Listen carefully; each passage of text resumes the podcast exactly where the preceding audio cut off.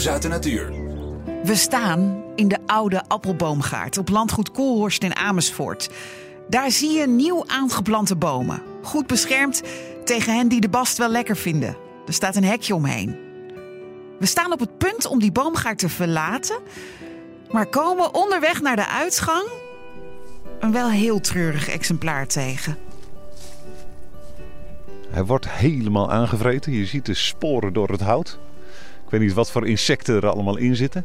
Het is een hele karakteristieke boom uh, die er ook wel uitziet alsof die elk moment kan omvallen. Ja, ja, ja. zeker deze tak. Hier is de bastaf, dus die, uh, die loopt niet meer uit. En dit wilde ik je nog even laten zien. Dit is iets aparts. Je ziet hier een dakpan op een horizontale tak geschroefd.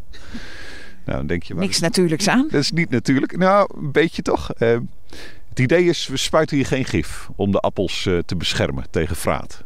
Dat zie je ook wel als de appels zitten. Er zit procentueel veel meer rotfruit tussen dan in een uh, nette boomgaard, zeg maar. Mm -hmm. um, en tegelijk hoop je dat je toch de insecten een beetje in evenwicht kunt houden, zodat niet alle appels eraan gaan. Want daar wordt wel koelhorster appelsap van gemaakt. Is een lokaal streekproduct. Dit is er uh, opgeschroefd omdat onder zo'n dakpan bepaalde roofinsecten hun plek vinden. Die weer andere insecten bestrijden. Dus het is een manier van natuurlijke plaagbestrijding. Dat is het idee. Let op voor de mensen thuis. Schroef gewoon een dakpan op je boom. Ja, dan moet je goed kijken, want er zit nog wat onder. Um, een, een, een laagje stro. stro. dus het, ik, ik weet eerlijk gezegd niet om welke roofinsecten het precies gaat. Maar dat is het idee. Ik heb het ook maar laten uitleggen. Ja. Dat die, die insecten daar tussen het stro onder die dakpan hun plek vinden. En een beetje meehelpen aan uh, bestrijding van, van allerlei plaaginsecten die, die, die dat fruit aantasten. Ja, want het is nu winter, maar in het voorjaar stikt het hier van de insecten van de insecten en van de spreeuwen. Een enorme kolonie, want ze hebben het is tafeltje dekje. Iedere boom volop te eten en volop broedgelegenheid in die holen. Nou, wat wil je meer? En jullie, voor de, dat kastje daar in die boom, zo'n langwerpige kast, is die speciaal voor de spreeuwen opgehangen? Die zitten er wel in, maar dat mogen ze eigenlijk niet. Ze hebben het gekraakt. Ze hebben het gekraakt. Hij is voor de steenel. Uh, en ik hoop dat die hier nog eens terugkomt, want die, die hoort er eigenlijk wel bij.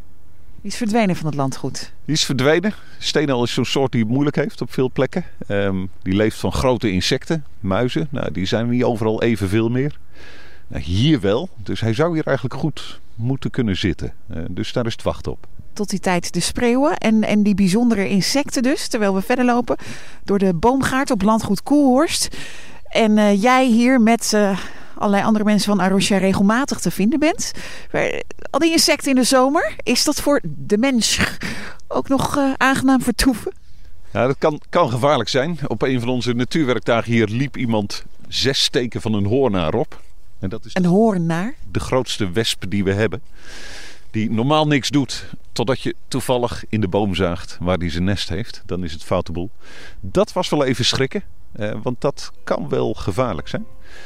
Maar voor de rest geldt toch heel vaak, eh, als je ze niet in de weg zit, eh, heb je er ook geen last van.